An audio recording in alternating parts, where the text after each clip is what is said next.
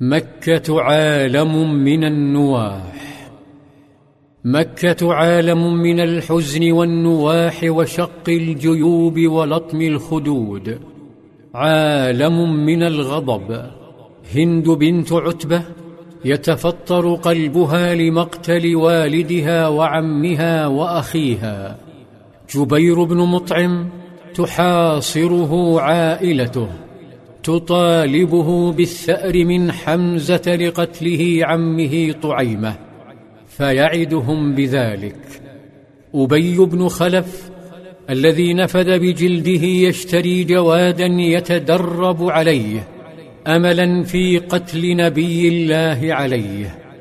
طال النواح والعويل بين الوثنيين فنبههم بعضهم قائلا لا تنوحوا عليهم فيبلغ ذلك محمدا وأصحابه فيشمتوا بكم. هنا انحسر النواح داخل البيوت.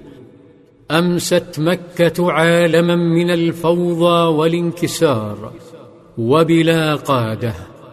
فقد سقط الطواغيت الستة واختفى أبو لهب. سقط أشرس أعداء التوحيد وبدأ عهد جديد هو عهد الثأر. اجتمعت قريش تبحث عن زعيم يخلف الطواغيت السبعه فتوحدت لأول مرة. فالإسلام علمها كيف ترتب نفسها. فالتفت حول زعيم واحد هو أبو سفيان. لا ينافسه إلا العباس لكن العباس مأسور في المدينة ولا بد من إطلاقه. لا سيما وقد علمت قريش أن محمدا لم يقتل الأسرى وأنه يطالب بفدائهم فبدأت كل عائلة ترسل فديتها. وهنا حدثت معجزة رآها الصحابة فعندما رأى النبي صلى الله عليه وسلم اسيرا يقال له أبو وداعة السهمي قال لأصحابه وحيا لا يكذب إن له بمكة ابنا تاجرا كيسا ذا مال كأنكم به قد جاءكم في فداء أبيه. وذات يوم وحين خيم الليل انسل المطلب بن أبي وداعة دون علم قريش فقدم المدينة ففدى أباه بأربعة آلاف درهم. فرح المؤمنون بالفداء وبتحقق المعجزة.